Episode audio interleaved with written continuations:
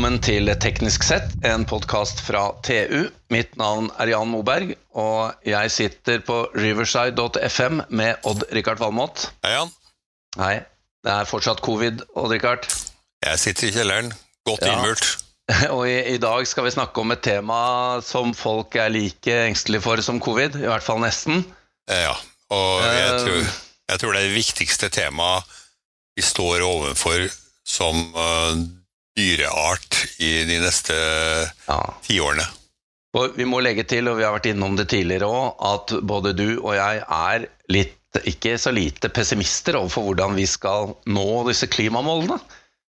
At utslippene skal gå ned. Det er jo Ja. ikke nok å bare installere sol og bygge vind, selv om det hjelper godt. Det hjelper godt, og det er helt fantastisk, men det løser jo bare en liten del av problemet. Ja.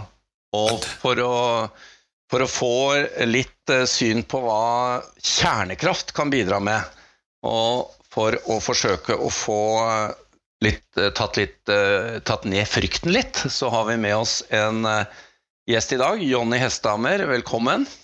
Tusen takk, hyggelig å bli invitert. Ja, du er administrerende direktør i, direktør i Mvest Energy, så du har holder på med energispørsmålet. Ja, det er jo eh, energi jeg driver med, og Ja. jeg tenker at eh, vi som jobber i den bransjen, vi har forholdt oss til eh, store utbygginger, infrastruktur, transport. Vi kan godt energi. Men vi må jo nevne da, Jonny, at du, du har jo ikke vært sånn kjernekraftentusiast alltid. Dette måtte du lære deg litt. Ja, eh, jeg begynte vel med det, egentlig det, med det for et par-tre år siden, da jeg tenkte jeg måtte prøve å forstå totaliteten rundt energi litt bedre. Og begynte å sette meg inn i eh, de forskjellige energitypene vi har, og eh, hvilke, hvilke energikilder som er gode, og hvilke som ikke er så gode. Og eh, jeg hadde vel egentlig ikke et sånn superpositivt inntrykk av eh, kjernekraft før jeg faktisk begynte å grave meg ned i detaljene og hva som var fakta og ikke fakta. Og da så jeg jo at eh, her er det jo veldig mye meninger hos folk som ikke har eh, som ikke eh, er korrekte, og hvor fakta motbeviser veldig mange av de meningene som typisk er fryktbaserte. Fordi at vi husker Three Island, vi husker eh, Tsjernobyl og fikk en påminnelse rundt Fukushima. og Spør du folk hvor mange som døde i Tsjernobyl, så hvis du får tallet én million, så vil ikke det være overraskende for deg, mens det faktiske tallet er kanskje 4000. Ja, og 4000 er jo fortsatt også mange mennesker, men eh, her er det så mange innfallsvinkler. eh, men før vi, før vi går inn på det, altså siden vi er inne på dette med dødsfall, det er jo eh, helt andre energiformer som tar liv.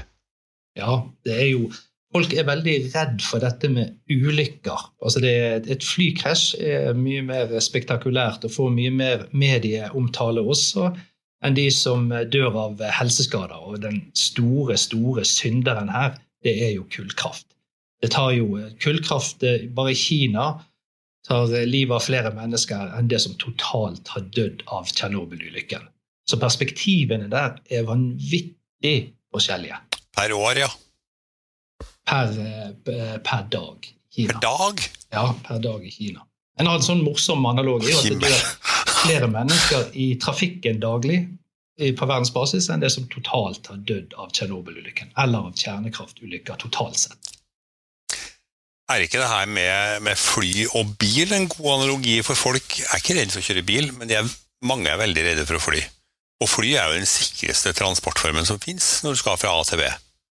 Ja, det er, den, det er den irrasjonelle frykten som vi har. Altså det, den kobles jo fort opp mot høydeskrekk i det tilfellet der. Da. Men Ja. eh, det, det, det som jeg sier, at det, dør flere mennesker i trafikken hver dag enn det som har dødd så langt av kjernekraftulykker, men vi Mm. beveger oss i trafikken uproblematisk. Vi tenker Ja. ikke over det. Og luftforurensning er på en måte en sånn snikende eh, ting som kommer, som tar livet av millioner av mennesker hvert eneste år. Men fordi at ikke det er så spektakulært, så legges det ikke så mye merke til. Media skriver ikke så mye om det. Ble du litt beskjemma nå, Richard, for eh, historien din og har jobba i kullgruva eh, på Svalbard? Du, det, her, det er en stund siden, og da var ikke det temaet tema igjen. Nei. Det var ikke, altså CO2 jeg skulle til å si det var ikke oppfunnet, men eh, det var selvfølgelig, men, men det var ikke anerkjent som et problem. Nei. Det var det ikke. Det er, det er jo 20-30 år siden det her virkelig begynner å dukke opp på agendaen. Enda, enda kullet på Svalbard, det er jo høy, høykvalitetskull. Ja, det er det. Ja. Men, øh, og vi skulle heller brukt det enn det der brunkullet i Tyskland, men, men øh, vi skulle jo helst ha hardt bort kull. Men det er ikke så lett å bli kvitt.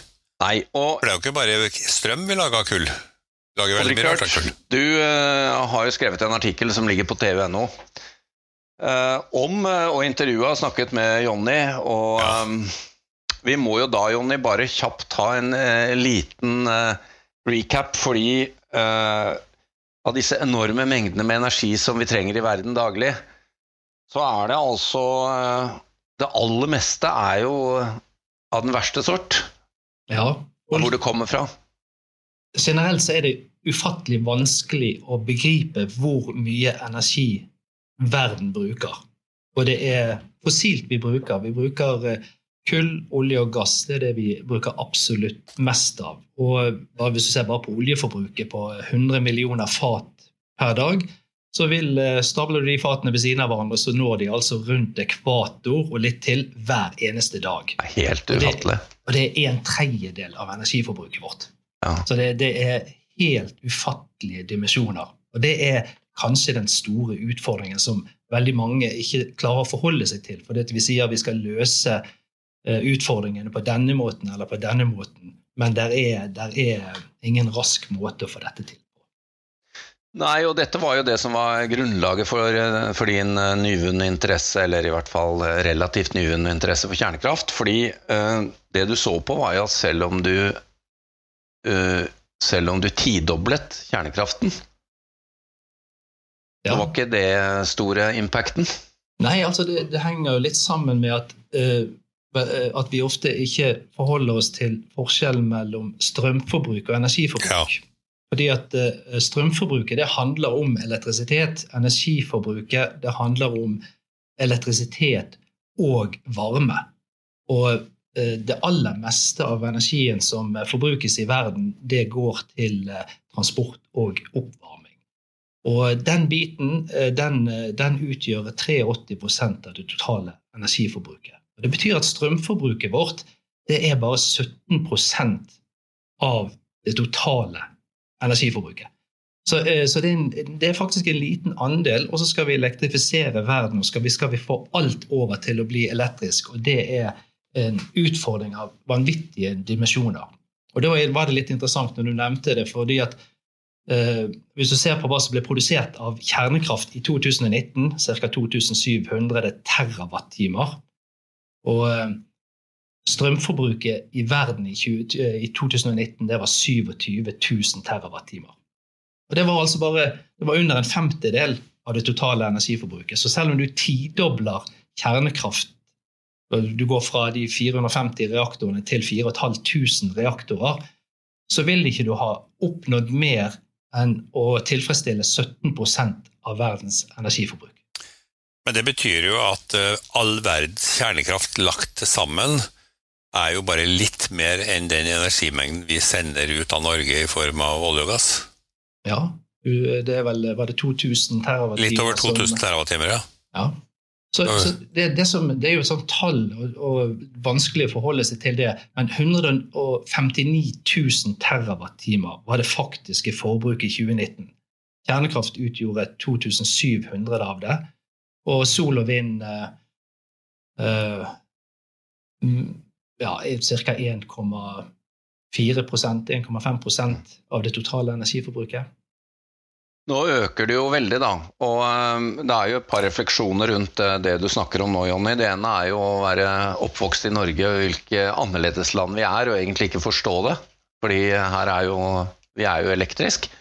Og det andre er jo hva som skal til for å møte målene. Vi må jo gjøre noe på alle fronter. Og har du i din, eh, dine regnestykker kommet til at dette kan gjøres uten å få fart på kjernekraft? Nei, det, det går ikke an. Altså, det er ikke bare meg som sier det. Eh, Klimapanelet, Det internasjonale energibyrået, eh, Ja. eksperter er stort sett enige om at vi kommer ikke i mål uten kjernekraft.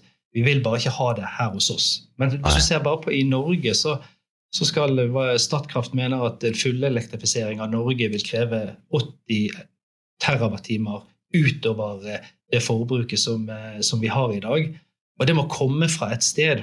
Og da kommer du fort inn på debatten om dette med energitetthet, hvor kjernekraft er helt uovertruffen med sin energitetthet. Så, du, så hvis du snakker om forbruk av areal, som er jo viktig med tanke på natur, urørt natur og naturmangfold, ja. Eh, så, vil, så, vil, kjernekraft ha en veldig mye lavere negativ påvirkning enn sol og vind. Det betyr ikke at ikke vi skal ha sol og vind, men kjernekraft har noen veldig klare fordeler som vi etter hvert tror må gripe fatt i, også i Norge. Jeg skulle ønske at vi kom til det punktet hvor vi anerkjente at kjernekraftverk i Norge også kan bidra til å løse en del av energiutfordringen vi har. Ja, som du sier, vi får, vi får jo i åra som kommer en, uh, stor manko på elektrisk kraft. Spesielt hvis vi ser i lys av alle nye energien, alle nye energien vi må tilføre uh, alle oppstartene i form av datasentre, batterifabrikker, i avkarbonisering av ferrolegeringsindustrien etc., etc. Vi har jo altfor lite. Ja, og hadde du, hadde du lagt vekk irrasjonell frykt og bare sett nøytralt, faktabasert på alt som ligger foran deg, så hadde ikke du elektrifisert sokkel med å bygge ut mer vindkraft. Du hadde bygget to kjernekraftverk, og så hadde du elektrifisert sokkelen med det. det ja. men, men, eh, fordi at det er så mye følelser involvert, så er ikke det en aktuell løsning. Så Da feier vi det til side så sier vi nei, nei, nei, vi skal ikke ha det. Og andre land må gjerne bygge kjernekraftverk, men vi skal ikke ha det i Norge. Og eh, På et eller annet tidspunkt så tror jeg at det også kommer til å snu i Norge. Og Jo raskere det snur, jo bedre er det. Det samme gjelder jo vindkraft. da. Du har fått en enorm uh, motstand mot det. Men noe ja. må vi jo gjøre. Ja, og, og, jeg er jo litt bekymret også, for vi skal, vi skal si at vi skal ha nullutslipp i 2050. Og så risikerer vi å lage et delmål på 2030 hvor vi skal kutte med, med 55% Og fordi at vi er så opptatt av å nå det delmålet, så når ikke vi hovedmålet, som er 2050. Og det er tid nok til å bygge kjernekraftverk i Norge for å ta hånd om energiutfordringene og få nullutslipp i 2050. Og der eh, ja. må vi jo eh, legge til, for nå har vi snakket mye om forbruk, og vi trenger, eh, vi trenger, for å dekke opp forbruk. Men det er jo også viktig med det store, grisete regnestykket som du skriver og omtaler, Odd-Rikard, nemlig at en kilowattime med kull slipper jo ut 820 gram CO2. Uh, og så er riktignok gass uh, nær halvparten av det. Uh, men mm. selv va vannkraft slipper jo ut ganske mye mer enn hva sol, vind og kjernekraft ligger på, som jo bare er en, en halv prosent av hva kull slipper ut. Ja, det, er det, er jo det andre det... regnestykket. Vi må jo få dette opp nettopp for å få ned utslippene også. Det er ikke så mange som tenker på at vannkraften slipper ut klimagasser, altså. I form av metan, da. Kanskje ikke så mye her i vårt kalde klima som lenger sør. Men det er en stor eh, metangenerator, og ting ligger og råtner i de svære dammene. Ja, og, og de store eh, vann, vannkraftanleggene i verden eh, ligger jo ofte i varmere strøk enn det vi har i Norge. Så det fører ja. til relativt høye utslipp av klimagasser. Og fordi at metangass er så potent som man er, så, så blir det ganske vesentlig. Så, mm. så, kjernekraft, sol og vind har jo de desidert laveste utslippene av eh, klimagasser. Ja. Ja, Det er eh, veldig verdt å nevne. Og eh, vi må jo ta med en kuriosa, Jonny. Du sier jo til Odd Rikard i denne artikkelen nå at uh, det å bo ved siden av et kullkraftverk kan jo uh, gi mer stråling enn uh, en kjernekraft? Ja, det, for all del. Altså, hvis du kan velge mellom kullkraft og kjernekraft, så må du må du velge å bo ved siden av et kjernekraftverk. Det ene er jo at strålingen er høyere ved siden av et kullkraftverk enn den er ved siden av et kjernekraftverk pga. radioaktive flyveaske, men det andre er jo helserisikoen.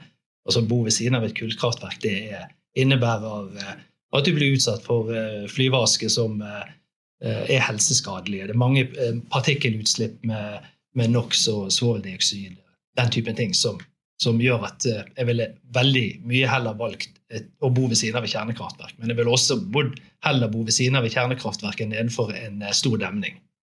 Ja. Siden, siden vannkraftulykker tar mange flere liv enn kjernekraft.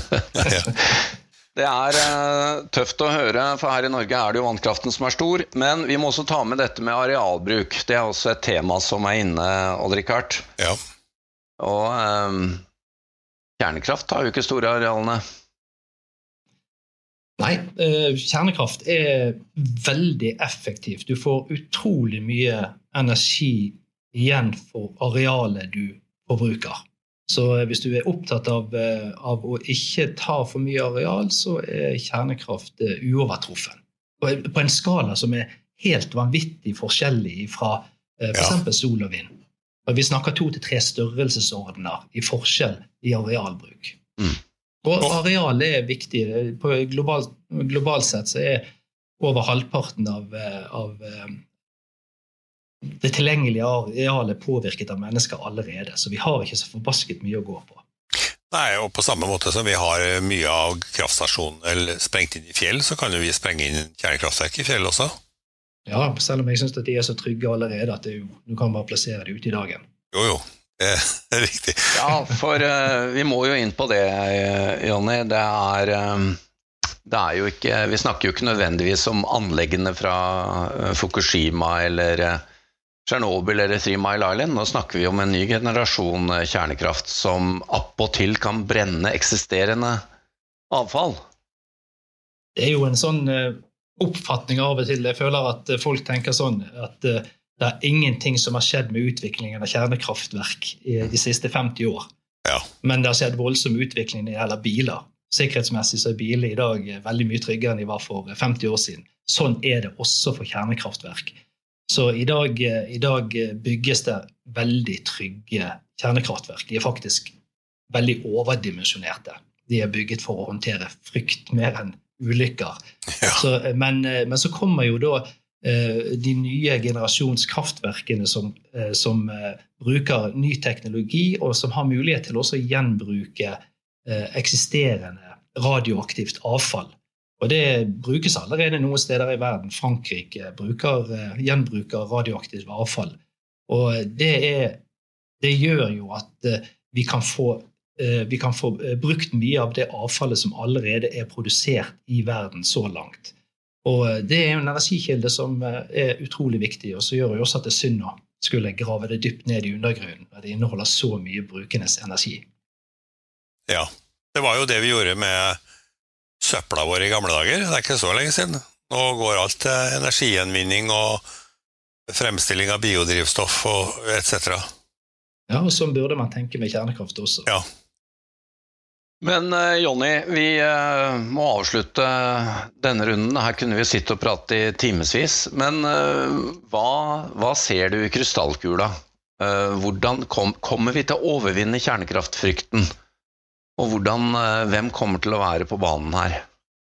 Nei, altså, der, der blir vi hjulpet litt av alder, da. Altså Vi som er gamle nok til at vi faktisk fikk med oss eh, Tsjernobyl. Vi begynner å bli så gamle og erstattet av unge mennesker som, er, som, ser eh, annerledes på ting. De er opptatt av å nå nullutslippsmålet. Og de sier at eh, kjernekraft ser ut til å være helt nødvendig for at vi skal klare å nå det. Så det er en endring i samfunnet, og jeg tror den drives fram av den yngre generasjonen. Ja. Så sakte, men sikkert så ser vi at det skjer en holdningsendring. Flere og flere land begynner å eh, gripe fatt i det. Og på et eller annet tidspunkt så må også de landene som er mest motstandere av dette, eh, snu. Jeg tror det kommer til å skje også med de mest eh, restriktive landene. Men kjernekraft kommer til å drives fram nå i neste omgang av Kina, som har satt som ambisjon at de skal bli verdens største kraftproduksjon basert på kjernekraft innen utgangen av dette tiåret. De og Sør-Korea vil bygge effektive, billige kjernekraftverk. De vil standardisere det, bygge det på fabrikker som er dedikerte og under kontrollerbare forhold. De vil bygge store kjernekraftverk i form av moduler. Det vil bygge små modulære reaktorer. Parallelt med dette så kommer det også ny teknologi med saltsmeltereaktorer, thoriumreaktorer, som gjør at eh, det vil skje en, en, holdningsendring. Jeg tror også at den kommer til å skje i Norge. når vi begynner å skjønne at det blir veldig vanskelig å få dette til. Ja, hører du det, Odd Rikard? Blir du litt mer optimist når du hører på Jonny her? Ja, i høyeste grad. Uh, og, og har, jeg vet ikke hvor mange milliarder vi skal bruke på den eh, kubikkmeteren med høyradioaktivt avfall vi har samla oss fra IFE-reaktorene. Kanskje vi heller skulle ha bygd et moderne uh, kjernekraftverk og brent det opp? Ja. Laga strøm av det? Det hadde kanskje vært billigere, til og med. Det høres eh, veldig bra ut. Eh, Jonny Hesthamar, takk til deg. Og jeg må jo bare oppfordre eh, lytterne til å lese artikkelen som Odd-Rikard har skrevet, der han har intervjuet deg, Jonny. Og lykke til med, med, forskningen din videre. Vi, vi, prates igjen, håper jeg. Det gjør vi. Tusen takk for invitasjonen. Ha det ja, godt. Takk. Takk til Odd-Rikard Valmot og vår produsent Sebastian Hagmo. Mitt navn er Jan Moberg. Dersom du ønsker å konsumere enda mer innhold fra oss i TU.no og Digi.no, anbefaler vi at du blir abonnent. Det vil gi deg tilgang til alt vårt innhold innen energi, elektrifisering, forsvar, fly, samferdsel, byggenæring, industri, maritime næringer, karriere og mye, mye mer fra vår kyndige redaksjon. Du vil da også få tilgang til alle sakene Odd-Rikard skriver om sine 687 favorittområder. Vi har også egne avtaler for bedriftsabonnement, og som om ikke det var nok, medlemmer av Nito og Tekna for halv pris.